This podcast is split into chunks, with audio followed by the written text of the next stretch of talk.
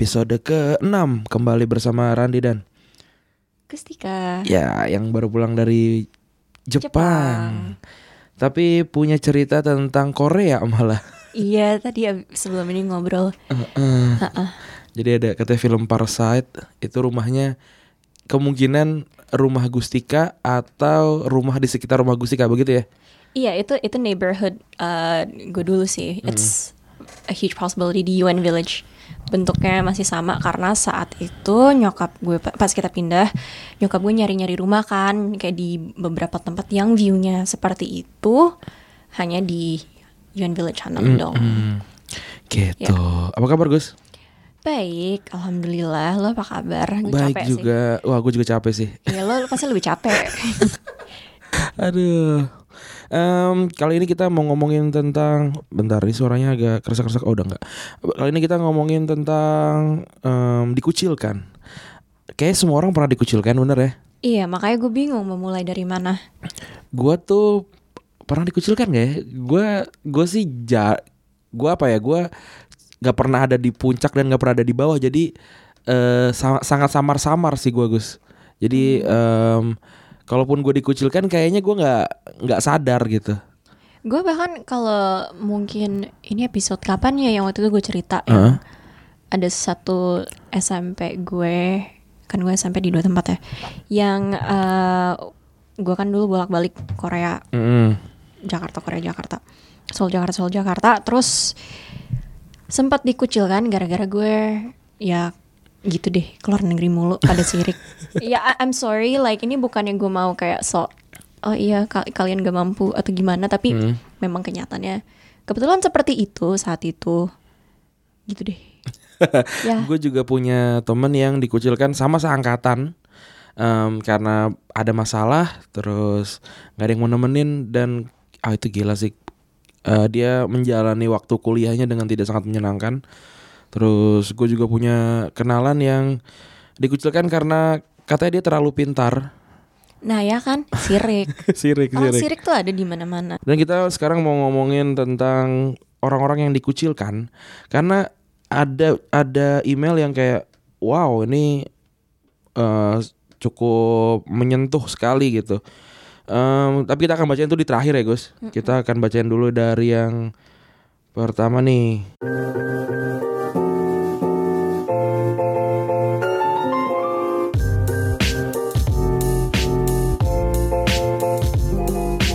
Dari timurnya Jawa. Nama saya jangan disebutkan. Saya mau curhat pengalaman saya tentang dijauhi dan dikucilkan.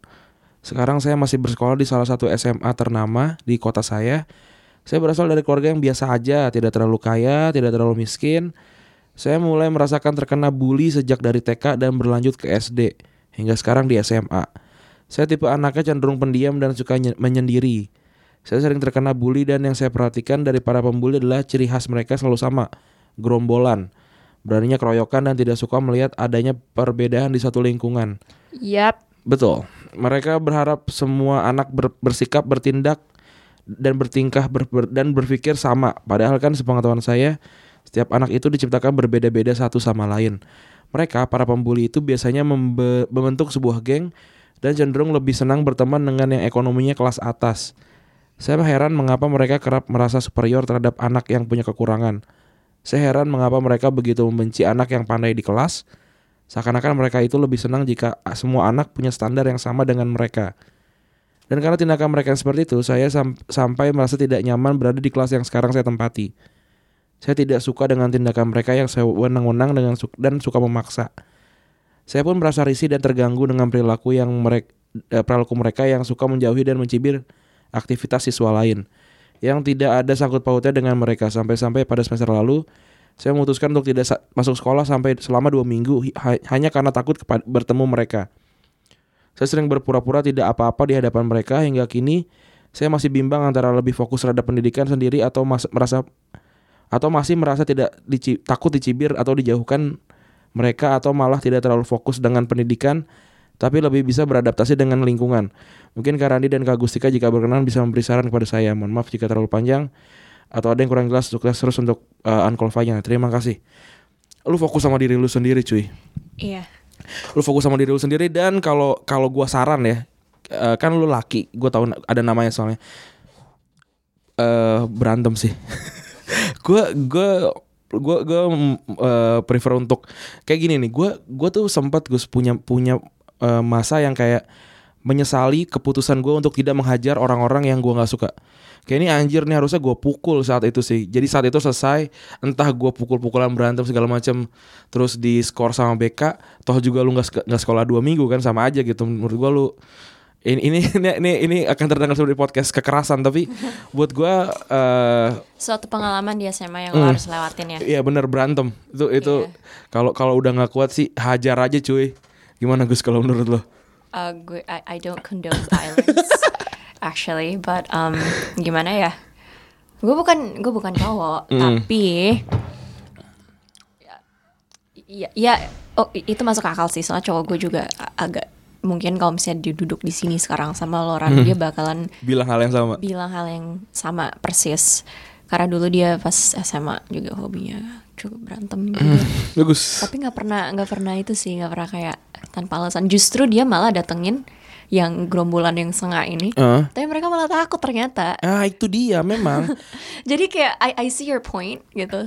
Tapi juga mesti diinget sih gue inget banget dulu kan waktu gue SMP SMP gitu gue sering baca majalah-majalah cewek gitu kan. Lo tahu um, Marcel sama Miss Misha sorry ini gue laptop gue lo tahu uh, Marcel sama Misha Chandra Ah, tahu, tahu, tahu. kan mereka kembar salah satunya kan sempat ada yang di itu kan di apa dibully nggak nggak naik kelas Oke. gara-gara dia nakal di sekolah. Oke.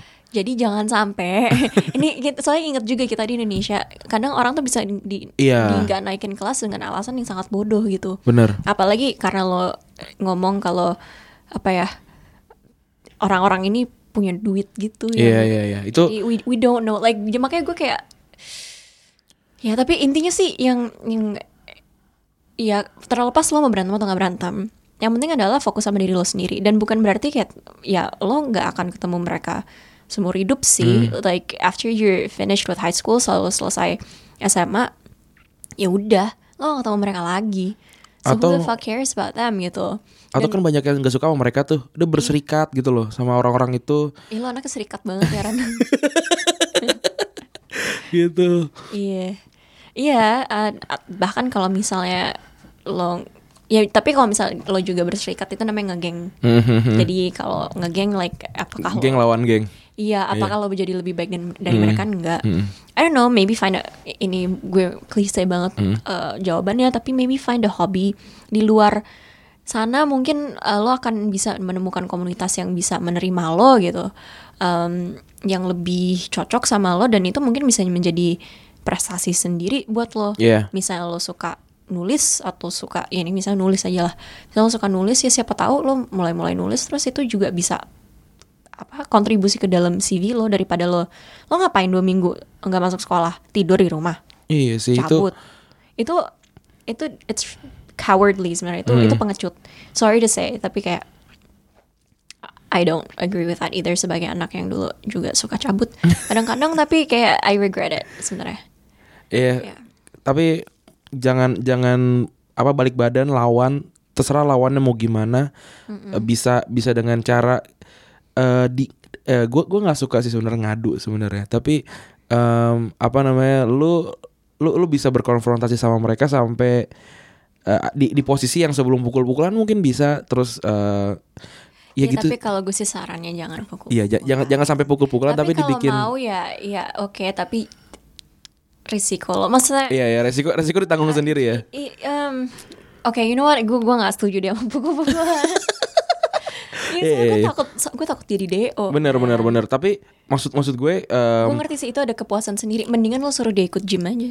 Iya iya iya Gym yang yang Jadilah- awalnya suruh ikut taekwondo ya. Eh, oh, Gak usah iya. lawan mereka, mereka ntar ciut sendiri. Iya. Anjing nih si si uh, gue kasih nama cowok aja. ya. Si Bob ini uh, uh, taekwondo gue takut. Oh ya, anjir, jad- jadilah duluan. jadilah eh, pribadi yang lebih kuat. Jadi kalau kalau gue nggak tahu sih yang terim- terintimidasi eh, lo itu mental atau fisik lo gitu. Iya.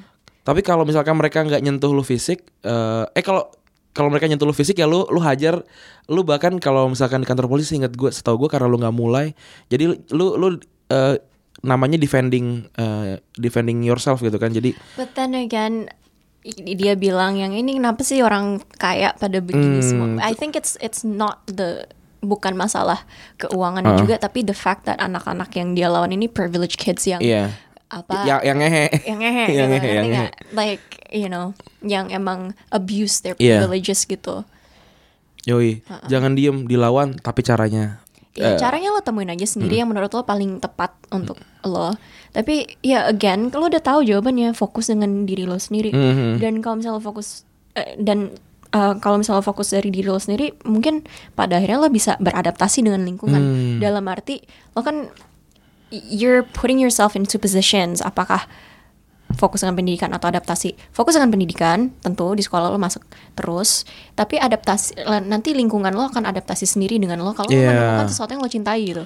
belaga bego aja dulu bela- belaga bego jangan apa namanya jangan dilawan kalau kalau emang tidak bisa dilawan terus em ya udah fokus sama diri sendiri aja lah Iya kayak um, RM dari BTS, dia kan dulu underground rapper gitu kan. Terus uh, dia tiba-tiba masuk idol group kan waktu dia masuk Big Hit kan dikira uh, BTS tuh bakalan jadi uh, grup yang hip hop gitu nggak tahu jadi idol group. Terus dia tuh kayak dicibir banget. But who's like who's like one of those most successful rappers now? Like yoi if it's not RM. Wala- walaupun gua nggak ikutin rap Korea sebenarnya. Iya tapi I'm just saying kayak dia dia dapat bintang dari dari presiden Korea Moon Ya. Jae-in uh, apa yang for cultural arts gitu terus dia bicara di UN so like you know find your own life. Nggak usah terlalu fokus dengan orang-orang itu. Iya pada akhirnya kayak kalau misalnya kita lihat contohnya RM ini kan pada akhirnya lingkungan yang beradaptasi dengan dia bukan dia yang beradaptasi dengan lingkungan. Yoi Eh kalau kata efek rumah kaca, pasar bisa diciptakan, cipta bisa dipasarkan. Jadilah orang yang bisa memasarkan diri sendiri.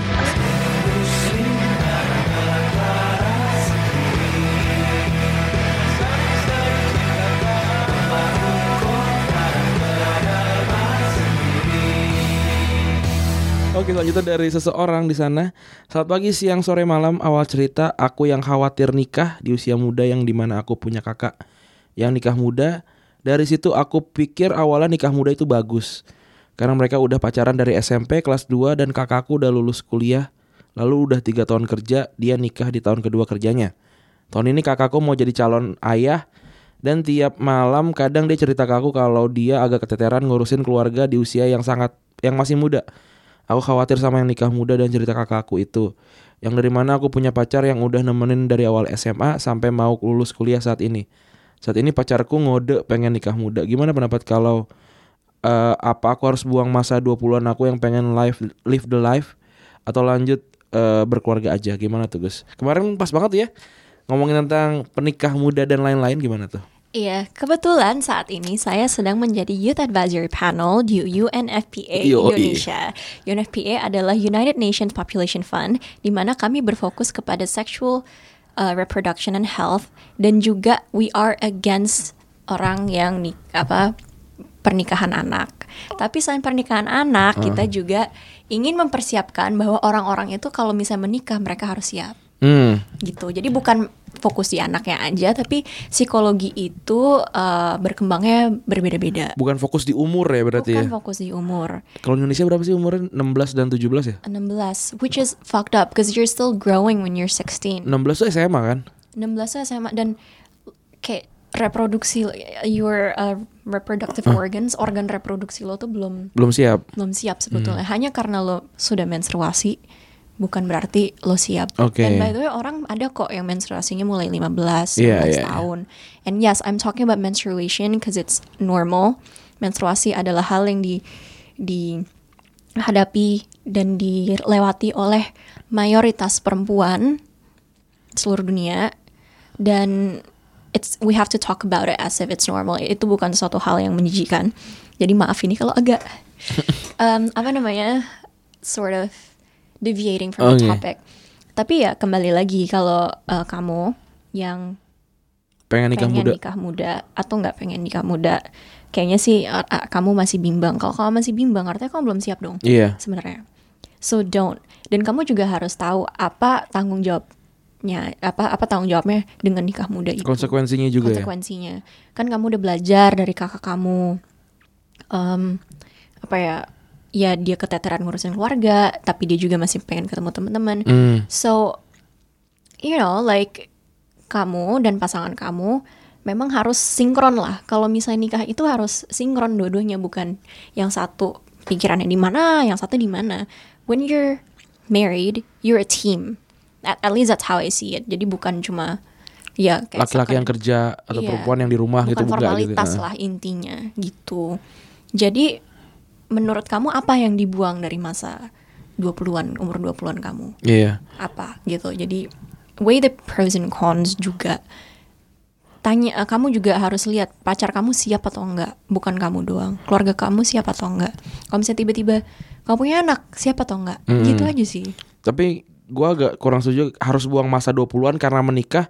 Buat gua kalau lu udah siap menikah lu tidak akan buang apa buang masa muda lu sih itu gitu. dia, itu dia. Makanya gua- dari yang gue lihat tuh Hmm. kayaknya eh, Kayak dia kayak Mas ini Heeh. agak bimbang kan. mm, mm, mm. Kayak gue nikah berarti gue udah nggak udah nggak bisa main lagi dong ya nggak gitu berarti lu emang belum siap dan Gus eh, di Indonesia tuh ada ada nggak sih yang budaya memang nikah muda dari dari daerah mana segala macam itu ada penelitian nggak ya Itu kalau budaya nikah muda sih enggak, cuma lebih ke maksudnya bukan budaya ya Hmm. budaya ya, tapi lebih seperti kebiasaan. Heeh. Kayak kalau zaman dulu itu dianggap kalau misalnya perempuan sudah menstruasi itu udah akil balik. Mhm. Tapi itu juga bukan hanya Indonesia. Misalnya kemarin gue ke Jepang Hmm. di gue ke Nagoya Castle. Hmm. Itu ada cerita-cerita di mana gue lupa keluarga mana Mhm. sebetulnya, tapi kerajaan kerajaan, tapi uh, the princess and the prince Hmm. mereka tuh masih umur 15 dan umur berapa gitu. Hmm, hmm. Jadi yang lakinya juga masih muda. masih muda banget Tapi kan sekarang kita udah tahu lebih di udah sudah dibekali lebih banyak pengetahuan mengenai psikologi. Mm-mm. Kalau dulu kan cuma biologis saja. You have to mix the two untuk apa ya? mengetahui siapa atau enggak. Yeah. Tapi kalau di Indonesia soal budaya, gue rasa bukan budaya tapi lebih kepada pengertian seperti itu. oke Pengertian yang salah sebetulnya. gitu oke em, sudah terjawab ya mas ya kita lanjut selanjutnya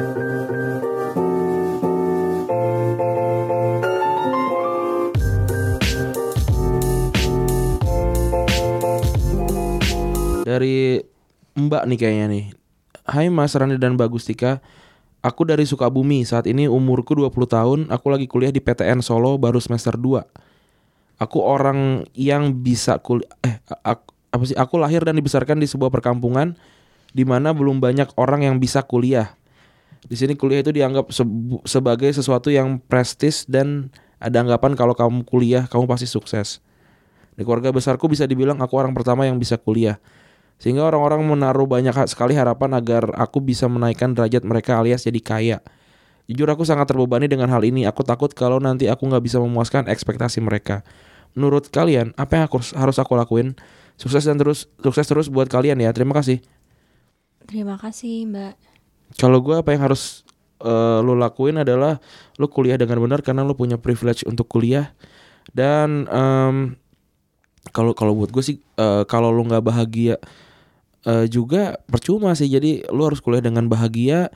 Terus lo eh, apa ya lo ketakutan ketakutan itu kan yang yang lo yang belum kejadian kan sebenarnya kan belum kejadian kan lu bisa sih eh, apa namanya jadi orang yang yang jadi tumpuan keluarga lu menurut gue gitu jadi jangan Kayak takut kemarin, eh, kok kemarin? Ya kalau buat buat gue kemarin tapi di film Parasite yang Hmm? bilang you don't have to make plans. oh, iya. oh itu dari ayahnya ya Iya, karena ini yang kayak yang gue lihat ya. Hmm. Lo terlalu kamu terlalu fokus dengan menaikkan derajat mereka alias jadi kaya. Jadi kaya nggak berarti naikin derajat mereka. iya Um, would you say um, aduh siapa ya yang kaya tapi brengsek banget? Donald Trump Yeah, you should say Donald Trump derajatnya tinggi. Uh. Because I think Wait, ac- ac- actually I, th- I th- jangan jangan itu deh. Well, I think Donald Trump is not a very good person. Uh, Takut bisa gue ditolak nanti. di beep aja biar iya di kocak. bip aja di bip aja Di beep biar kocak. But um oke anyway, uh, kamu jangan merasa terbebani sih. Kalau misalnya lo terlalu kamu terlalu fokus untuk kaya kaya kaya ya I don't know. Iya. Jadi ini sorry ya, aku eh, maaf banget. Aku mau kasar cuma jadi nggak usah berpendidikan, jadi pelacur juga bisa kaya. Oh, Oke. Maksudnya, y- you know, like I'm not saying that you should be a prostitute, cuma intinya gitu kayak kaya tuh juga harus kayak pikiran. Iya. Jadi eh, kira-kira kontribusi apa, inovasi apa yang kamu bisa tawarkan ke du- ke Indonesia, ke dunia ini sehingga kamu bisa dihargai gitu. Bener. Malala Yousafzai, Ui. dia kan juga nggak kaya sebetulnya, tapi dia memperjuangkan Hak dia untuk sek- sekolah. iya hak dia untuk sekolah. Pada akhirnya dia she got noticed, terus dia sekarang kuliah di Oxford. Apakah dia dari keluarga kaya? Saya mungkin ya dibanding dulu ya, Mhm. dia lebih berada tentunya karena dia sudah pindah tempat dan ya dan lain seterusnya lah. But again, can you say that she dia derajatnya naik karena dia kaya atau alias jadi kaya kan enggak? Iya. Gitu sih. Dan juga kalau kata Kunto Aji, cantik kau tahu hidup hidup bukan tentang angka. Cantik kau tahu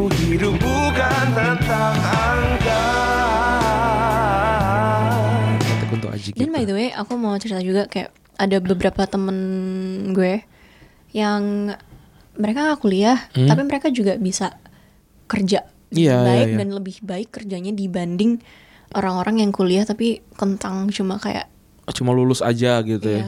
Iya, cuma lulus bener. aja kayak oh ya tentang ya emang yang penting inilah apa Gelar. gelar Mhm. nggak nggak penting kok it's how you use that Iya. knowledge gimana lo striving di hidup sih sebetulnya Gitu ya Mbak, Eh, Mbak dari Sukabumi. iya. Kita lanjut ke email selanjutnya.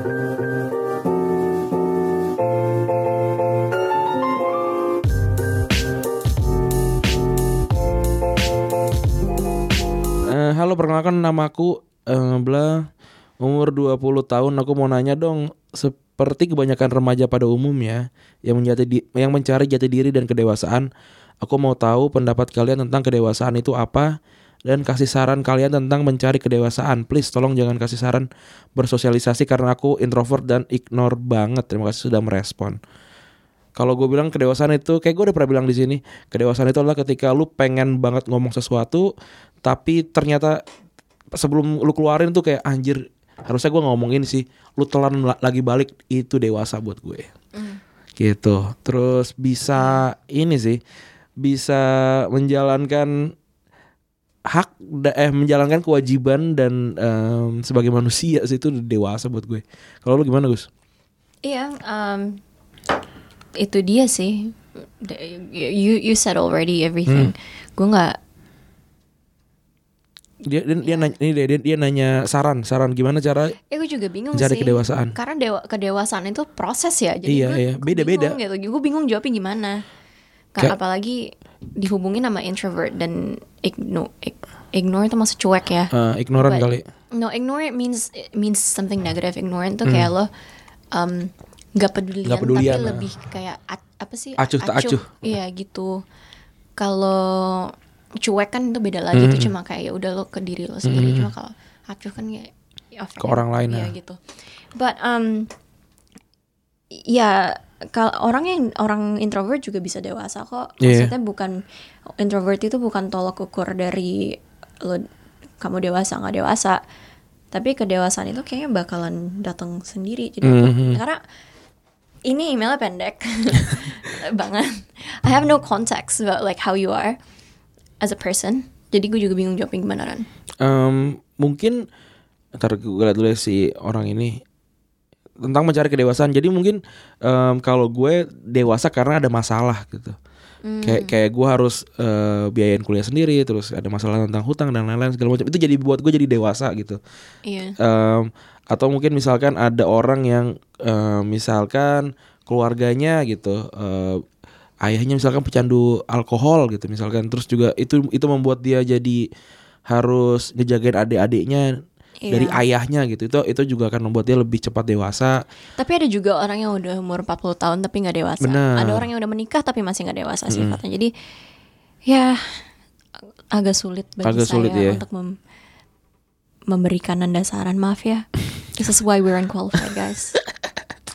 oke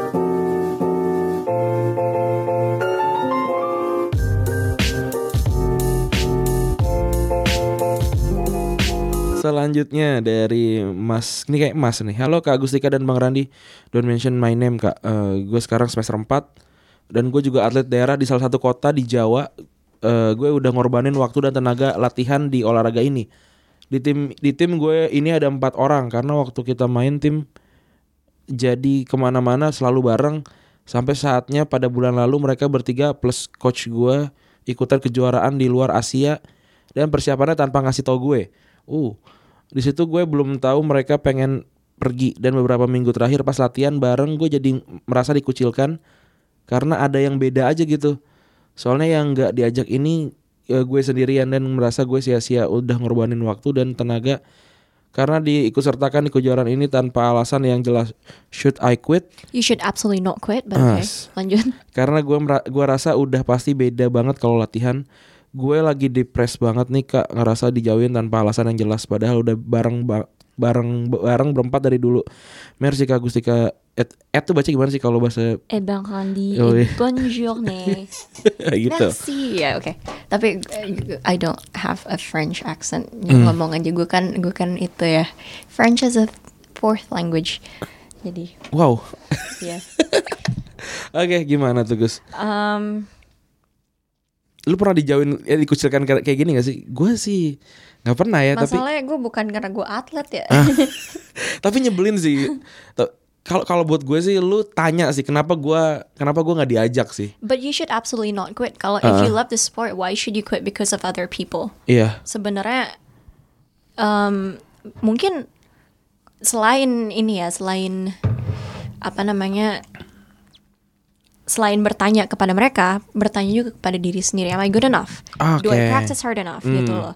Karena um, you know, it's also about working smart. Are you uh, you know, like are you good in a team atau enggak? Jadi mungkin ini sebuah shock terapi buat kamu Heeh. untuk introspeksi semuanya diri kamu dan your circle juga. Iya, iya, iya. gitu. Kalau misalnya if let's say you're not good enough uh, among uh, the other three gitu, you should not quit. Uh, you should never quit. If you love the sport, tetap aja kayak latihan aja sendiri. Iya. um, add more time gitu. Kayak Anjir gue lagi lagi-lagi contoh gue. Apa? Iya, jadi kayak misalnya itu loh yang yang di di agency-agency K-pop gitu jadi trainee. Kadang-kadang tuh sampai ada yang latihan tuh sampai malam gitu. Ah. Tapi obviously I don't want you to you know kayak overwork yourself juga. Tapi ada beberapa orang yang latihan tuh sampai aduh I'm not good enough dibanding dia I'm not Iya, good iya, enough. iya. Jadi mereka tuh sadar kapasitas mereka. Jin dari BTS aja tuh sampai sekarang masih latihan nyanyi karena dia tuh awalnya kan kuliahnya tuh pengennya jadi aktor. Ini gue Terus- BTS tuh cuma cuma tahu BTS doang loh. Yang lainnya gue nggak tahu nih. Kayak oke BTS gue gue bahkan nggak tahu lagu yang mana. eh, personilnya siapa sih gue. Ya tapi Jin tuh tadinya gitu. Oke. Terus juga Lu gimana sih cara bisa membedakan orang-orang Korea itu yang gue gue rasa tuh mirip semua ya? dibiasain aja lihat. Tapi tapi memang mirip kan maksudnya? Gini, um, sebenarnya ada ada riset. Apa karena warna rambut aja gitu? Nah, Ya. ada sebenarnya ada riset psikologisnya. Kalau lo biasa, uh, um, so a lot of white people Hmm. say that all Asians look the same. Mhm. We obviously do not look the Mhm, same. mhm. Tapi itu menjadi kayak di otak mereka tuh mereka susah membedakannya karena jarang lihat. Oke. It- itu ada riset psikologis, eh, psikologis atau sosiologis yang gue lupa. Pokoknya ada risetnya. Hmm. Um, I'll try to find it as well. Lalu sebaliknya kita kalau ngeliat orang bule, lo pasti mikir ini orang bule kok sama semua mukanya, ya kan? Iya, iya, iya, gitu. iya. Kayak misalnya lo lagi nonton Piala Dunia, gitu. Ah. lo pasti nggak tahu nggak tahu satu persatu pemain Iya. siapa kan, apalagi kalau misalnya timnya yang kayak Yang nggak super- terkenal. super random gitu Ah. kan. Terus lo mikir nggak "Ini anjing ini miripnya sama semua mukanya, ya nggak? Iya, iya. Nah ya, it- it's the same. Jadi gue nggak, I'm, I'm not blaming you for Hmm. thinking that. Cuma ya kalau karena gue suka nontonin. Nggak, gue kira tuh kalau mereka- spare time, jadi gue kayak. Mereka kan tim eh apa sih namanya grup ya? Saya grup Iya. kayak udah lu rambutnya merah, biru, kuning gitu biar biar Emang beda mereka gitu. ganti-ganti sih. Anjir malah bikin pusing. Tapi mukanya beda, sumpah, sumpah beda banget. Kayak kalau lihat kayak oh iya kayak awal-awal mungkin lo bingung. Uh-huh. Tapi lo kalau misalnya lihat orang Korea lama-lama kayak oh oh gitu. Mungkin kalau lo mulai biasa gitu lo baru bisa bedain Mereka berapa sih tujuh orang? tujuh. Ah, gila. Dan lo tuh tahu. Tahu tahu tahu gue tahu sampai situ doang. Anyway, ya Jen tuh latihan terus. Terus um, J-Hope dulu juga kan dia cuma dancer doang. Terus dia baru belajar ngerap tuh pas masuk Big Hit. Oke. Tapi akhirnya apa? Kayak Jadi jadi bagus. Jadi bagus. Juga eh, sama juga kayak eh, Jungkook waktu dia tuh nggak pernah nyangka bahwa dia akan menjadi like one of the main singers gitu. Dia paling muda by the way. Oke. Masih dede-dede. Gue gue tahu Suju itu Super Junior aja waktu kemarin Asian Games. Jadi gue gue kira Suju dan Super Junior tuh Dua. dua dua entitas yang berbeda gitu. Iya. Eh maaf ya gue ngomongin Korea mulu anjir Enggak gue gue jadi kayak gak tahu karena Hallyu gue jadi reminiscing my times there Tapi zaman gue tinggal di Korea kan Hallyu belum Hmm. populer gitu kayak Korea tuh wasn't really a thing kecuali Winter Sonata Winter oh Winter Sonata kayak gue pernah dengar deh. Iya mak gue tuh nonton Winter Sonata ke Jeju terus foto di hutan apa Oh iya iya iya itu. Jeju Jeju Island itu ya. Iya Oke kita lanjut ya. Nih Iya. eh, yang gue bintangin udah udah gue bacain semua nih. Tinggal yang akhir nanti tapi waktu masih panjang. Eh kita kita cari-cari dulu ya. Ini ada nih yang Mana tuh? Oh iya. panjang sih nggak apa-apa kita bacain. Kan Wow. nggak apa-apa ini kan Randi yang baca gue- iya. gue lihat aja gue lihat aja Randi bisa napas nggak apa-apa Aduh. em, ini na- nama nama belakangnya nama orang terkenal ya? Orang terkenal di Indonesia ya? eh tapi ngomong-ngomong ya Hah? kemarin nyokap gue kan eh, gue gue ke per- gue ke pertemuan keluarga Mhm. besar Yusuf nyokap gue diundang obviously because everyone loves her terus nyokap gue eh, kayak gue sama nyokap harus cabut terus nyokap gue bilang iya aku eh, ibu mesti em, jenguk temen ibu Hmm. ini gue mau ganti nama belakang yang gak enak ya soalnya. Aha.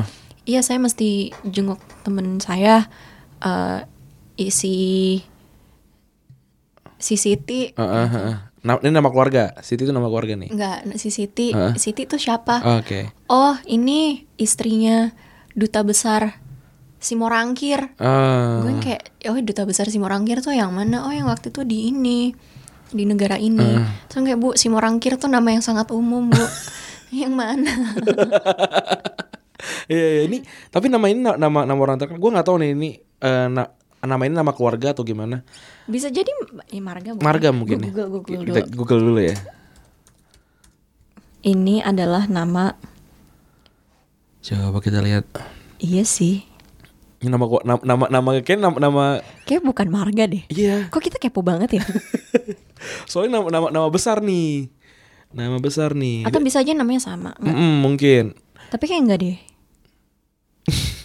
Soalnya soalnya ceritanya juga cerita dengan dengan dengan background yang lumayan, Gus. Ini itu ya podcast po- podcast gibah dan Iya. dan kepo. ya. Iya, ini ra- eh, apa namanya si Aji seru. Seru Ajak ke sini. nge-host kita di sini. Iya. Oke, gue baca ya. Hai Gusika dan Randi, sebut aja gue Budi. Oke. Halo Budi. Halo Budi. Saya Bambang. Lebih dari setahun yang lalu teman-teman inner circle gue mutusin buat bikin IO sebagai side job.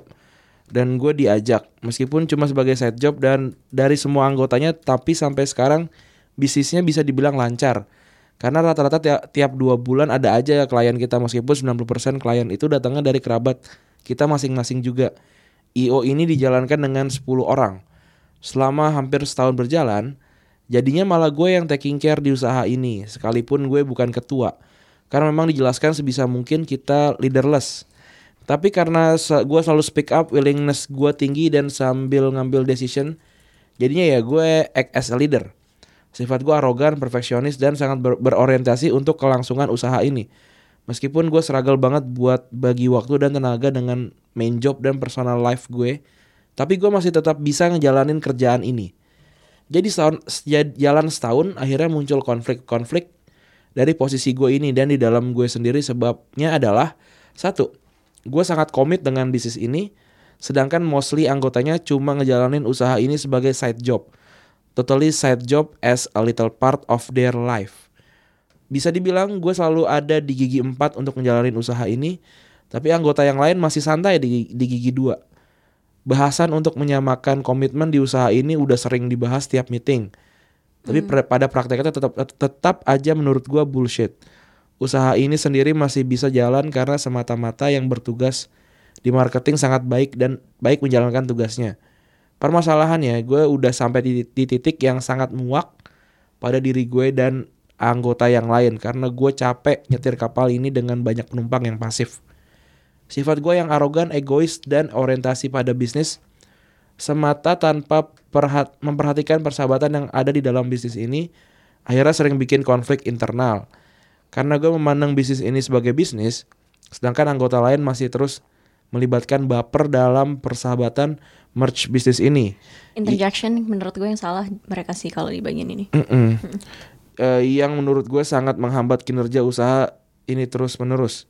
Setahun berjalan akhirnya gue dikenal sebagai Budi Anjing quote and quote Meskipun hanya sebagai bercandaan dan gue paham ini juga sebagai bercandaan semata Em, Disebut itu karena gue adalah karakter asshole di, da- di dalam WO ini Oh WO Yang selalu membuat eh, sakit hati anggota yang lain WO apa IO sih ini? Kita anggap IO lah ya, salah tulis dia Semua Ini, ini gue lagi lihat lagi stalking ada banyak the wedding sih. Oke Maaf ya. Kayaknya dia WO deh. Eh, WO ya. Semua anggota juga paham sekalipun gue asshole tapi asshole inilah yang menjadi motor penggerak usaha ini. Dan semua bisa nerima itu dengan berbagai konflik kecil yang coba terus di solve dalam tiap meeting kita ataupun mungkin yang ah, yang ditahan dalam hati dari tiap anggota sehingga tidak dibahas di meeting. Pada akhirnya, gue merasa sedih dengan karakter gue yang sekarang sebagai asshole di pertemanan ini yang mana karakter asshole ini nggak pernah ada sebelum usaha di IO ini jalan. Gue capek dengan segala effort eh, gue di usaha ini yang tidak direspon dengan komitmen selevel dari anggota lain. Tiga bulan lalu, gue mutusin udah nggak mau lead usaha ini dengan berbagai alasan yang pasti kalian paham. Sudah tiga bulan jalan dengan leader baru, berjalan oke meskipun tidak firm seperti dulu. But it's okay for everyone termasuk gue. Sekarang gue bertindak sebagai anggota biasa dan selalu kesal dalam hati tiap ngeliat komitmen yang masih sangat rendah dari anggota lainnya. Karena sekarang gue cuma anggota biasa, akhirnya gue cuma pendam aja rasa kesal gue. Dan ini nyiksa batin gue. Tapi sekalipun gue udah nggak ngelit, karakter asshole tadi udah terlalu nempel di gue. Dan gue sedih banget buat itu. Gue pengen dikenal sebagai Budi yang memang average as friend, bukan asshole di dalam circle ini. Gue mengajukan mundurin diri dari IO ini eh, karena gue mau balik jadi Budi yang dikenal sebelum ada usaha di IO ini. Tapi sebagai bu- be- sebagian besar mereka tidak mengizinkan karena satu, mereka sad- sadar pentingnya peran gue sekalipun udah nggak ngelit. Dua, menurut mereka pertemanan nggak akan menjadi le- lebih baik. Tiga, sebagai anggota anggota sebagian kecil anggota memberikan suara ters- terserah atas keputusan gue. Mohon advice gue mesti gimana? Oke, emang nyeb kayak mau liburan nih BTW nih di depan saya ada yang pakai kacamata hitam. Oh sih. Jadi eh, maaf interjection, cuma gue tadi telat mau rekaman karena nyari kacamata nggak kacamata ketemu. hitam. Tapi kacamata hitam gue tuh ada minnya. Oke, gimana Gus kalau menurut lu Gus? Oke, um, I think you're not the asshole. Hmm. But I think your friends are fucking assholes. Lu ber- Sebetulnya. pernah punya eh, ini gak sih kayak kerja kelompok atau apa tapi lu doang yang kerja? Iyalah. Siapa yang enggak? Itu ngehe ngehenya ngehe banget nih. Ya, siapa yang enggak gitu? Tadi lo pernah jadi di dalam posisi yang lo kerja kelompok tapi lo yang nggak kerja nggak? Ah, pernah. Nah ya udah, semua orang pernah mengalami dua sisi. Dua-dua sisinya. Iya. Tapi kalau misalkan tentang bisnis dan pertemanan yang terdekat eh, mungkin orang bi- bi- biar bisa relate gue dan Febri di eh, Retropus kali ya. Kalau dibilang yang asshole ya gue gitu. Yang yang marah-marahnya, yang segala macamnya yang yang ngegerakin tapi dengan cara yang lebih kasar tuh ya ya gue gitu. Tapi karena memang cuma berdua dan em, gue dan Febri tahu apa ya? Tahu porsi masing-masing ya. Jadi ya udah gitu kalau satu dimarahin sama atau gue gue marahin Febri misalkan gitu ya dia udah paham oh ya memang itu tugasnya Randi dan Kasihan Febri dimarahin. Sabar ya, Feb. sabar ya Feb Em, tapi dia juga tahu kalau itu memang porsinya gue gitu karena ya dia tahu dia nggak dia bukan tipe yang marah-marah kan gitu Iya. Wah kasihan bentar lagi di saudaraan. iya bentar lagi saudara lagi aduh Aduh, lo marah-marahin saudara gimana sih? aduh tapi emang nih emang Ini- agak ini- susah ya konflik of interest dari persahabatan sih dan ini ya? Iya, kalau gue jadi dia, Hmm? jadi Mas ini, jadi Budi. Kalau gue jadi Budi, I would leave the business oh personally. I like udah jelas Budi ini Hmm. Punya apa ya semangat yang lebih tinggi daripada yang lain. Hmm. Why can't he start another one alone dengan konsep dia Hmm. yang kuat dan kelilingin sama orang-orang yang bisa bedain yang, yang pertemanan apa bisnis apa gitu. tapi itu ngebakar teman gak sih saya ngilangin teman juga gak sih But that's life. Kita kan pernah ngomongin Iya, ini di podcast kehilangan teman kan. tuh ya Kehilangan udah. Teman tuh antara kita yang dewa ya kita tumbuh atau mereka yang tumbuh iya dan gimana ya? Um, kalau makanya mungkin gue terlalu pragmatis Hmm. berpikirnya tapi gue jadi budi gue sih udah capek lah untuk nopang orang lain yang apa ya yang males Yang jadi Udah parasit nih jadi sebenarnya. parasit dan lama gitu gak Iya, kayak iya. it's it's been some time gitu Eh, setahun. Iya, apalagi nggak bisa ker- ker- gue, gue Heeh. mungkin agak sulit eh, untuk kerja bersama orang yang nggak bisa membedakan yang mana porsi kerjaan yang mana Ah porsi iya jadi benar teman benar gitu. benar benar. Dan sebenarnya kesalahan pertama adalah ketika tidak eh, bil- apa tidak ada struktur ya struktur organisasi ya. Jadi kayak Iya. nggak ada ketua nggak ada segala macam itu menurut gua nggak bisa sih. Lu lu harus Iya, lo punya harus itu. bisa pembagian eh, tugas yang baik gitu. Hmm. Maksudnya gue pun baru mulai Traxxas, Hmm. baru banget mulai. Ada satu yang memang dia tuh tour leader yang udah sert- Hmm. tersertifikasi dari em, Kementerian Pariwisata. Oh, Jadi oke. dia udah punya pengalaman banyak. Jadi dia yang lebih ke Yang nge-lead ya? nge-lead. Satu lagi yang punya background di bisnis. Hmm. Yang memang tahu struktur-struktur gimana dia jadi CEO gitu. Iya. Yang salah CEO, yang salah CEO.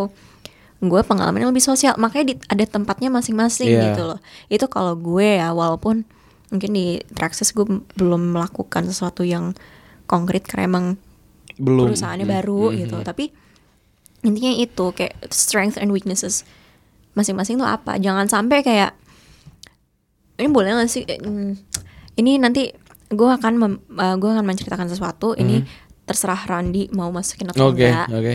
Tapi ini bukan cerita gue. Hmm. Ceritanya temennya cowok gue. Teman-temannya cowok gue. Oke. Cowok gue lulus dari sebuah sekolah bisnis dan manajemen di Indonesia. Oke. Eh terus s- waktu lulus teman-teman dia tentu langsung pengen jadi ini apa namanya? Hmm. Ya pengen buka usaha lah. Apalagi bebe- be- beberapa dari teman-teman dia memang udah yang kayak privilege yang anak orang kaya gitu tau gak Ran? Oke. Jadi yang udah kayak gue udah modalnya gampang lah ya gitu. Oke. Lalu mereka membuat membuka uh, suatu uh, restoran tempat makan minum-minum gitu sih di Hmm. eh ya di satu area yang di satu daerah yang cukup hype di cukup hype di di Jaksel. Oke. Ya, cowok gue diajak tapi cowok gue nggak mau karena Hmm. dia pikir ini nggak jelas gitu. Oh, kayak model bisnisnya ngawang gitu. Iya, ini kayak ini kenapa orangnya banyak banget terus kayak ambisi ambi banget. Oke. Terus yang kayak gue gampang lah ya, tau gak sih tipe tipe-tipe kayak Oke. frat boys yang kayak chill aja man Bisa Ya, menabrak peraturan. gue gini, gini, gini. Nah, ngerti nggak ngerti, ngerti, ngerti, nah ngerti. cowok gue kayak no I'm not gonna be involved in this akhirnya dan waktu itu tempatnya se- sempet hype banget Ran tapi sekarang tutup Apa sih ini tempatnya nih? Antar aja offline aja. Oke. Oke, oh, iya iya iya iya iya. iya. Tahu tahu tahu Iya. tahu tahu tahu. tapi dan um, long story short Uh-huh. I'm not gonna like expand on this ini Mhm. terus makanya ini gue gak mau expand karena in case Randy memang mau masukin Mhm. cerita ini pada jadi buron beberapa Oke. Hmm. Terus cowok gue yang kayak untung aku nggak ikut. kayak ya emang. Iya gitu iya. loh. Jadi bukan karena mereka teman-teman kuliah lo, terus mereka punya koneksi yang bagus gitu, Hmm. lo harus bersama mereka Hmm. terus karena ya gimana? Like you don't want. I'm not saying that that would happen to you. Cuma di situlah harus bisa bedain. Kayak mungkin teman lo baik, tapi apakah dia akan menjadi business partner yang baik? Iya. Itu itu yang Itu- dilihat itu sama beda cowok lagi. gue waktu itu. Karena uang tuh nggak kenal sama saudara sama temen sih. Itu dia. Jadi ya bisa kan Jadinya. berantem berantem berantem tentang warisan, Iya. tentang hutang-hutangan gitu. Kayak Iya. di keluarga gue juga sama tuh ada yang kayak gitu-gitu juga lah. Mm-mm. Jadi ya di situlah makanya kalau gue jadi budi, gue sih tinggalin aja. Kalau gue, Hmm. gue ambil saham gue, gue jual saham gue, Bener. gitu. Terus udah kita temenan aja kita nongkrong lu kalau kalau mau nongkrong gue ikut ikut Iya deh. daripada gitu. stres, and then like just revenge, like revenge and in a, in a way that Mm-mm. kalau bikin perusahaan ya gue ceritakan cerita gue yang budi, gue bikin perusahaan baru yang inovasinya lebih sejalan dengan gue. Hmm. Dan kalaupun gue nggak berhasil, seenggaknya gue tahu oh ternyata sama ini teman-teman gue benar Oh. gitu loh. Itu eh, pada akhirnya ya Benar, jadi pembelajaran juga gitu loh. Oh kalau nggak boleh nggak sih gue ngambil break gitu. gitu, ngambil break gue pengen coba lain gitu kali bisa. iya, ya? daripada gue stres kayak mikirin nih manusia-manusia parasit gitu Iya. kan ngehe banget. Mendingan ya udah Hmm. uh, jalanin aja hidup yang I mean if you're really passionate about your ideas ya jalanin aja atau ya udah jadi diktator aja gue sih Eh ya Kim, jadi Iya. jadi Kim Jong Un. Kim Jong Un Oke, ini eh kita masuk Padahal ke lo tau gak bokap apa? gue kecilnya di Korea Utara Oh iya. Yo, Jadi apa? Jadi apa sih? Oh, bu- eh, kak- kakek lu juga ini ya? Eh, waktu itu Ambasador juga ya? Enggak, dia nggak Oh, dubes di Korea Utara. Oh, dia dubes. yang buka kedutaan di Korea Utara. Ini kenapa ya? Ini maksudnya temanya Korea. ini Korea dan dikucilkan. iya. Emang- Satu rumah Korea, terus apa BTS BTSan, terus apa lagi ini, tadi? ini ini tem- jadi judul podcastnya. Eh, Dikucilkan karena suka Korea. dikucil dikucilkan plus fakta tentang Korea. Nah lu juga waktu itu dikucilkan karena Korea juga kan? Terus pulang pergi ke Korea kan? Iya, jadi kayak pada pada kayak jealous jealous AF gitu kayak pada sirik. Udah gak ada yang temenan lagi tuh ya? Eh, civil aja. Hmm. Gue nggak musuhan tapi kayak kita semua udah dewasa jadi gue kayak masa gue mau menyimpan dendam Betul. Karena yang salah kan dia masa kecil kan, bukan sekarang. Enggak yang salah orang tuanya, orang tuanya alay, nggak bisa didik anak. Oke, kita masuk ke email terakhir nih. Oh ini email emailnya caur banget sih. Iya itu gue, gue akan gue udah baca, jadi Oke, gue akan mendengarkan secara seksama Oke. dan dalam tem- tempo yang selama lamanya. Oke, ini ini agak panjang, jadi silahkan buat cemilan juga kalau mau.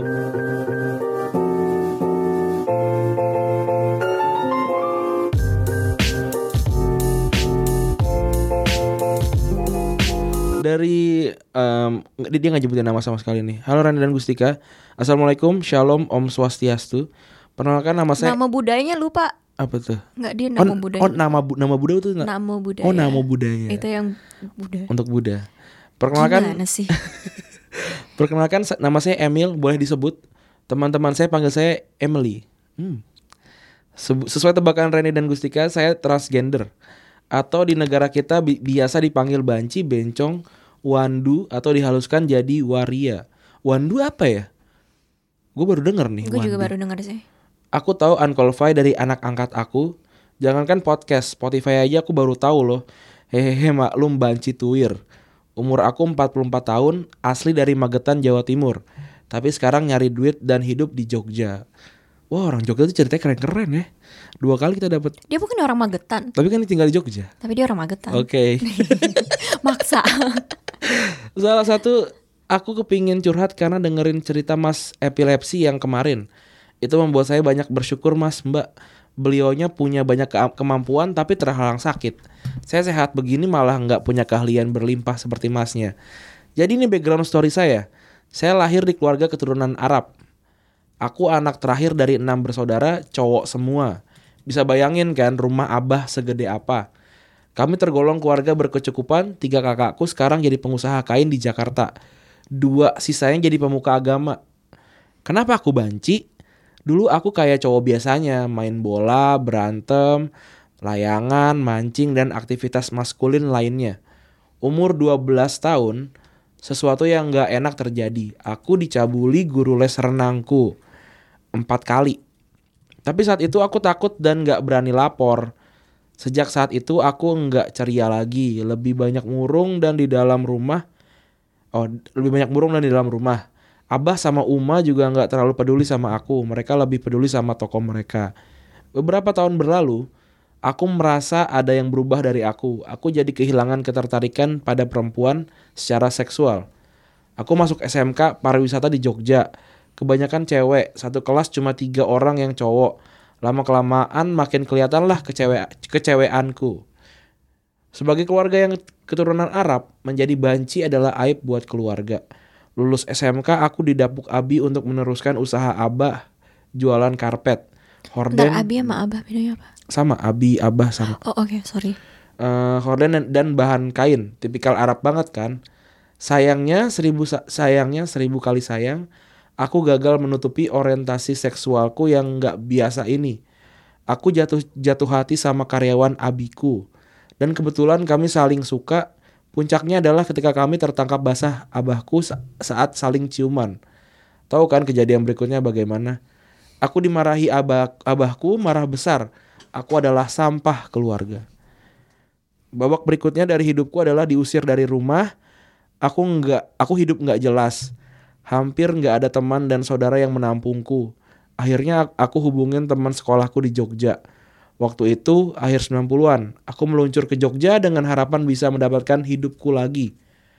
Aku ditampung temanku yang kerja di perhotelan. Kebetulan aku juga punya ijazah perhotelan. Ya udah, aku ngelamar jadi daily worker. Saat itu gajinya 15.000 per hari. Lumayan buat nabung bayar kos dan makan sehari-hari. Tiga tahun jadi daily worker, aku diangkat jadi pegawai tetap. Setelah jadi pegawai tetap, hidupku sedikit berubah. Udah nggak ngekos lagi, berani kontrak rumah, dan berani punya pacar lagi. Nah, ini juga jadi masalah. Aku terlalu sayang sama pacarku. Sampai nggak sadar setahun kerja pacarku ternyata cuma ngakalin. Uangku dibawa lari dan aku harus nanggung gaya hidupnya yang banyak utang sana sini. Taunya duit dibawa lari dipakai nikah sama cewek. Aku aku semakin depresi. Uang habis buat bayar utang, kerja mulai nggak bener, aku memutuskan resign. Aku hidup dari belas kasihan teman-temanku sampai akhirnya aku bertemu dengan Jessica temanku. Dia waria. Dia memperkenalkanku ke dunia salon. Jadilah aku banci salon. Wow, masih panjang. Sabar teman-teman. Hidup di salon menyenangkan. Nggak ada nggak ada yang mencibir walaupun aku berpakaian girly. Rambutku panjang dan pakaian cewek setiap hari melekat di tubuhku. Ekonomi tertolong, punya tempat berteduh dan lingkunganku cucok sama aku. Ternyata hari ternyata hidup di salon nggak membuatku menjadi waria yang paripurna. Tiap malam aku mulai turun ke jalan, ngamen. Lumayanlah nambah duit beberapa puluh ribu sehari. Akhirnya aku punya modal buat merubah penampilan, suntik silikon di dada dan di wajah. Semakin saja aku jadi waria yang waria banget. Mungkin karena sudah mulai kenal dengan dunia jalanan, aku jadi berkenalan dengan narkoba dan miras. Tentu saja dunia prostitusi sudah menunggu keceburlah aku di sana. Aku jadi PSK, easy money kalau kata temanku. Sekali main bisalah cuma kalau cuma 20 ribu. Di awal 2 ribuan duit 20 ribu itu lumayan gede. Dunia malam bikin hidupku nggak karuan. Rasanya tiap hari dike- dikejar rasa takut. Takut digerebek, digerebek Satpol PP atau Dinsos lah. Takut digerebek polisi lah. Dalam hati juga takut kena penyakit seks. Sampai di tahun 2010, aku memutuskan berhenti narkoba. Sulit mas, mbak. Menahan sakit hampir tiap hari. Untung teman sesama waria saya saling dukung. Sampai akhirnya saya masuk ke pesantren khusus waria. Ya waktu itu sempat booming. Belajar agama, belajar ber- berbaur dengan masyarakat, belajar menerima diri sendiri. Pak Ustadz sangat membantu saya. Sampai akhirnya 2014 saya merasa menemukan diri saya sendiri. Emil atau Emily sudah bangkit mas mbak. Saya kembali ke dunia tata rias. Saya bisa rias pengantin, tari, wisuda dan dan lain-lain. Saya mulai hidup yang lebih positif. Akhir 2015 saya mengangkat beberapa anak yatim piatu untuk saya sek- disekolahkan. Dimulai dari dua anak, tahun ini saya sudah punya tiga anak. Anak yang pertama yang mengenalkan saya, mengenalkan Mas Randi dan Mbak Gustika sama saya. Kuliah di Solo, yang kedua dan ketiga masih SD. Saya bersyukur sekali hidup dilahirkan seperti ini dan menjalani hidup yang seperti ini. Kunci hidup saya adalah berdamai dengan diri sendiri. Kalau Mas yang kem- kemarin beberapa kali ingin bunuh diri, saya sama sekali nggak kepikiran bunuh diri. Saya bersyukur sampai hari ini saya masih sehat dan masih bisa menghidupi anak saya. Mas Randi dan Mbak Gustika jika berkunjung ke Jogja silakan email saya. Siapa tahu bisa bertemu. Saya fans berat eh, Bung Hatta dan karyanya. Anak saya juga penggemar Mas Randi dan guyonan bolanya. Saya sempat dikasih dikasih dengar suara teman Mas Randi yang ketawanya lucu itu. Febri maksudnya. Wah ternyata panjang juga ya cerita saya Mas Rani dan Bagustika jadilah orang baik yang pandai bersyukur. Sederhana kan, sulit ternyata penerapannya. Assalamualaikum warahmatullahi wabarakatuh. Salam ewer-ewer dari jalanan Jogja. Kami tidak perlu pengakuan, cukup melihat kami sebagai manusia. Wow, tulisannya Iya. bagus banget nih. Iya, sampai speechless. Wow. Lagi-lagi memang ternyata harusnya bukan kita yang di depan mic. iya. em, dan untungnya ini bukan apa Emil bukan mencari saran tapi mem- malah berbagi cerita. Iya. Iya. Wah, ini keren banget sih. Iya keren banget. Dan setuju banget yang pada apa eh, kalimat akhirnya. Yang jadi manusia apa? Hmm, yang ini bukan kalimat akhir maaf, tapi saya bersyukur sekali hidup dilahirkan seperti ini dan menjalani hidup yang seperti ini. Ini kunci hidup saya adalah berdamai dengan diri sendiri. Dan itu bukan untuk orang trans aja, tapi juga untuk kita semua. Iya. Sama seperti lagu dari eh, BTS Apa lagi? yang judulnya Epiphany yang eh, dinyanyikan oleh Jin yang untuk belajar mencintai diri sendiri gitu. Iya bener sih. Ju- Judul lagunya Love Yourself. Apa judul albumnya Love Yourself?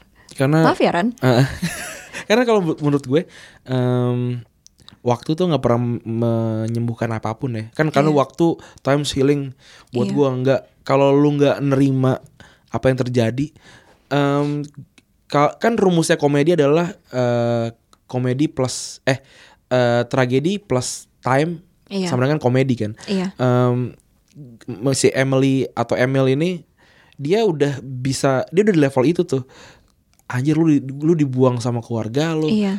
tinggal di jalan segala macam terus dia bisa nyeritain dengan gamblang kayak gua gue tahu gue dapat DM DM yang kayak bilang bang gue mau cerita tapi gue nggak bisa cerita karena karena masih susah gue susah untuk gue untuk nerima kejadian-kejadian itu gitu Iya. dan dan em, Mbak Emily ini eh, menunjukkan kalau ya tinggal berdamai sama diri sendiri meskipun itu susah tapi eh, kalau bisa lu akan jadi em, Iya. ya begitu Dan ya semoga gimana ya Indonesia itu mulai lebih inklusif terhadap kelompok-kelompok minoritas ya. Dalam artian seperti yang dibilang sama Emil- eh, Mbak Emily ini, bukan butuh pengakuan tapi hanya butuh anggap kita jadi manusia aja ya gitu dianggap jadi manusia. Em, masih banyak eh, orang Indonesia yang trans atau lesbian, gay, non-binary dan lain-lain, pokoknya kelompok LGBTQI plus yang sulit mendapatkan pekerjaan karena stigma-stigma ini. Gus lu ikutin nggak eh, keramaian di Twitter tentang ini kemarin? Oh iya, yang eh, ada se- mbak ada sese- seseorang mbak-mbak gitu. Eh, Iya. dia dia nge-tweet kayak em, lu tuh intinya dia cerita tentang tentang eh, orang-orang lesbian dan gay ya. Iya, yang ternyata juga abusive gitu ke ke orang ke orang-orang yang non gitu. Iya. yang kayak lesbian megang payudara gitu kan. Kan cewek gitu sama-sama cewek gitu. Terus atau kayak si si para gay yang ngegodain cowok gitu. Iya. Tapi menurut lo ini salahnya eh, komunitas LGBTQ atau eh, circle-nya dia aja yang toxic? circle dia yang toxic. Makanya, nah, sebet tapi ini dia, gue nggak mau mendemonize uh, dia, karena kita nggak tahu nanti ke depannya dia, semoga bisa belajar lebih dalam gitu tentang komunitas ini juga oke, first of all, uh, gue juga mau mengatakan dan uh, meng- uh, per- first of all gue mau mengatakan quote dari Cynthia Enloe. Itu siapa uh, salah satu uh, scholars at akademisi uh, feminis dari uh, Amerika Serikat yang paling terkenal dia mengatakan never be the most feminist person you know. Kenapa? Karena semua orang tuh belajar. Nah dari sini yang gue lihat mungkin selama ini kaum LGBTQ yang dia temukan adalah orang yang toxic seperti itu. Iya dan on the one hand, I see where she's coming from, tapi framingnya sangat sangat sangat sangat sangat salah. Karena eh, emang lo gak pernah denger Ran kayak mi- lo, semalam baru clubbing kan? ya Nah, lo ada nggak cewek datang eh, apa ketemu cewek-cewek? Oh my god, gue pengen ngisap kontol kayak gitu. iya sih nggak Iya, ada Kak. Iya, maksudnya ada kan? ada tapi Ada kan? iya iya Tapi mungkin semalam Nah, nggak ada. nggak Cuma ada, iya. kadang-kadang ada kan. Ada, ada. Jadi kita bisa lihat bahwa itu bukan masalah dari kaum LGBTQ. Tapi mungkin di masalah sebagai manusia sih sebagai manusia.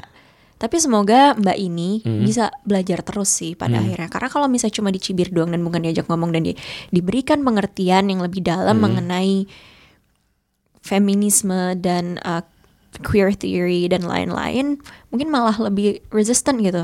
Kayak kemarin yang gue cerita ke lo, yang Hmm. gue bilang, yang gue turun dari pesawat capean banget terus kayak oh my god I absolutely hate babies. Hmm. Itu cuma keluar aja kayak misalnya bilang, oh my god all men are trash. Iya. Terus ya bukan berarti gue kayak pengen bunuh bayi, bukan berarti gue pengen ngambil bayi terus gue masukin ke dalam apa namanya ke dalam seduhan kuah bakso gitu. Iya That's bener. it. Maksudnya it- itu tidak mewakili sepanjang hidup lo gitu ya maksudnya Iya dan eh, itu mewakili perasaan gue pada saat, saat itu gitu. Yang gue tuh udah capek banget kan gue pergi ke Jepang sama lima ibu-ibu. Gue nggak ini bukan gue komplain. ah, Gue I'm grateful that I got a free trip ya. Heeh. Tapi uh, I didn't get to do a lot of things that I wanted to do. Gue nggak ke Pokemon Cafe, gue nggak ke ya intinya gue kan cuma menemani Mereka. gitu, menemani mereka. Terus ya gue nggak masalah sama sekali. Like I, I enjoyed it. Tapi kebayangkan capeknya tuh yang satu ke mana, yang satu ke mana, ke satu ke mana, dan gue jadi kayak ibaratnya tour leader gitu. Walaupun I wasn't a tour leader, you know, Ah. I wasn't. Ya, ngerti gak sih maksud gue? Eh tapi kadang-kadang tuh em, banyak orang yang melakukan pergerakan tapi di- eh, karena dianya sendiri pergerakan jadi tidak terlihat simpatik gak sih? Iya, nah itu sebenarnya yang juga diprotes sama beberapa uh, orang uh, dari kaum LGBTQ di negara-negara Barat sih kayaknya sejauh ini. Tapi ada sebuah gimana? How do I put this into words? But th- there's like a, some sort of capitalization of um, the rainbow pride. So like Okay. everything, you just put rainbows on everything, but it doesn't really, you know, promote the values Yes. it doesn't really promote equality. You just put it there cuma untuk menarik simpati dan Hmm. di- itu itu salah satu protesnya. Jadi mungkin ini kembali ke self critique juga. Misalnya um, ya Ntar gue harus mikir dulu kata-katanya supaya Tidak terpelintir. Um, memang Hmm. ada beberapa oknum yang sembunyi di bawah eh sembunyi di, Di balik, belakang ah. di balik Ah. topeng Pergerakan oh, ini. pergerakan ini dan aslinya pakai oh lo, homof lo homofobik ya yang Oke. seperti yang dikatakan Simba ini. Simba ini. Ah, Oke. ada beberapa sama seperti kayak eh, feminis pun juga gitu atau orang yang ngo- apa peduli ham pun juga gitu kan Iya, lo kan iya, eh, uh, you chose your your movement is Uh, ham kan Ran jadi lo ngeliat ngeliat orang toxic juga kan di Iya. situ Eh, kemarin gue baru menghadiri Kayak sebuah kayak acara gagap gitu gak sih kayak baru kayak wah rame gitu. Iya, kemarin gue baru menghadiri sebuah acara yaitu kampanye eh, untuk pengendalian tembakau. Oke.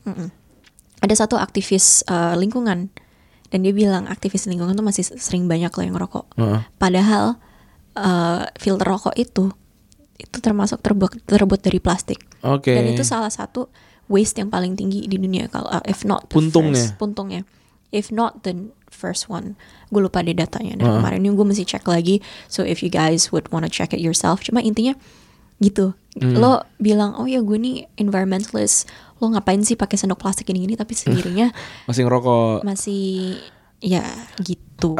gue pernah gue pernah baca kayak apa Tapi ya? ini, by the way, ini it- it's just me stressing that by no means I am condoning what she said. Iya. Tapi gue kayak mungkin dia hanya ha- ha- apa dia Deliverynya aja kali. del- bukan delivery juga tapi harus banyak belajar Iya, gitu iya, loh. iya. Jadi gue nggak mau di sini ngata-ngatain dia gitu. Heeh. Dan ada ada kata-kata eh, ada namanya ego trap yang kayak bukan karena lo eh, vegetarian lo berhak untuk ngatain orang-orang yang makan daging, Iya. bukan karena lo eh, beragama lo berhak ngata-ngatain orang tidak beragama, Em, buk- eh, bukan karena lo sedang apa melakukan movement tentang Iya. Eh, apa legalisasi ganja. Terus lu bilang orang-orang yang tidak melek tidak setuju dengan legalisasi legalisasi ganja itu adalah orang-orang terbelakang bukan Iya, itu gitu. iya.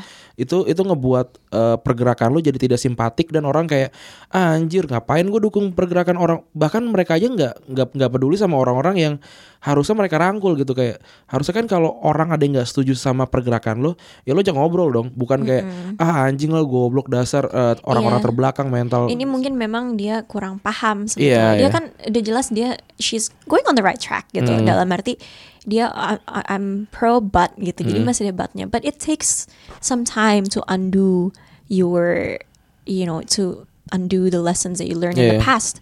Uh, lo pernah jadi homofobik gak Ran? Karena gue pernah. gue iya Iya. Heeh. kayak gue kan se- sebelum yang yang gue dat apa acara waktu itu Iya lo takut waria kan? gue gue takut waria Gustika tahu se- setakut apa muka gue pas ada waria gitu iya.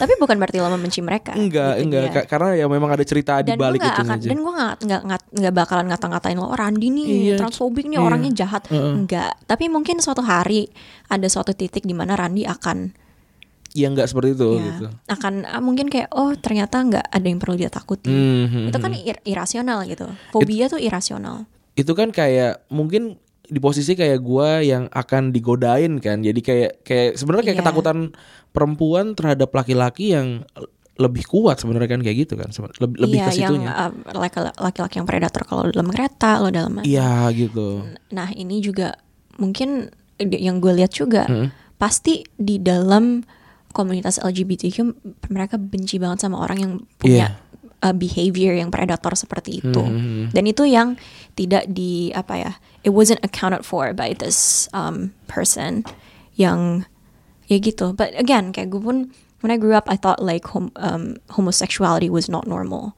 Tapi pada akhirnya kan kita uh, dengan informasi yang ada kita belajar but that you know even hom um, homosexuality is found in animals. It's not like a human Hmm. uh, kayak oh kar- cuma karena mereka syahw- syahwat doang, Mhm. hanya manusia gini-gini enggak. Ada scientific everythingnya secara psikologis, secara biologis semuanya gitu. Dan ya udah it just I, it, but it took some time to unlearn it gitu. Dan bukan berarti lo harus jahat sama orang. Jadi Yes. gue ngerti banget kenapa uh, orang-orang reaktif kerha- terhadap uh, apa tweet yang sangat kontroversial itu dan gue pun gak setuju dengan tweetnya. Tapi I'm not here to demonize her. Hmm. Intinya gitu aja. Mungkin suatu gue gue hanya berharap sih suatu hari dia akan belajar. Mungkin gue terlalu netral. Yeah. Like I should be angry. Like in, the beginning I was like what the f gitu sebenarnya. Hmm. Cuma ya oke ini udah satu jam lebih nih banget. oh sangat maaf ya dan I'm ya, Emily kak Mbak Mbak atau aku nggak tahu mau dipanggil apa Mbak kak kak aja netral ya tante ya ya makanya kayak you wanna be you know correct gitu kan Heeh. Mbak mungkin karena kan orang Jawa Heeh. terus masih 44 tahun kan masih muda ya ya Mbak aku senang banget eh, Mbak bisa nulis Mm-mm. surat ke kita dan mempercayakan cerita Mbak Emily sama kita dan I hope to meet you kalau misalnya aku ke Jogja nanti aku nyalon di tempat Mbak Emily and I hope like you know semoga Indonesia akan lebih menerima. Orang-orang seperti ini ya? Iya. Dan kalau misalnya ada yang fobia kayak Randi maafin dulu ya. Siapa tahu nanti dia berubah. Iya betul. Dia bukan benci sama mbak atau you know komunitasnya. Tapi memang mungkin belum terbiasa. And it's again perlu waktu. Betul. Iya. Terima kasih em, teman-teman yang sudah mendengarkan em, sangat panjang obrolan kali ini. iya tapi kan ada yang diedit kan? Ada dong. Oke. Oke, terima kasih em, teman-teman. Terima kasih Gustika.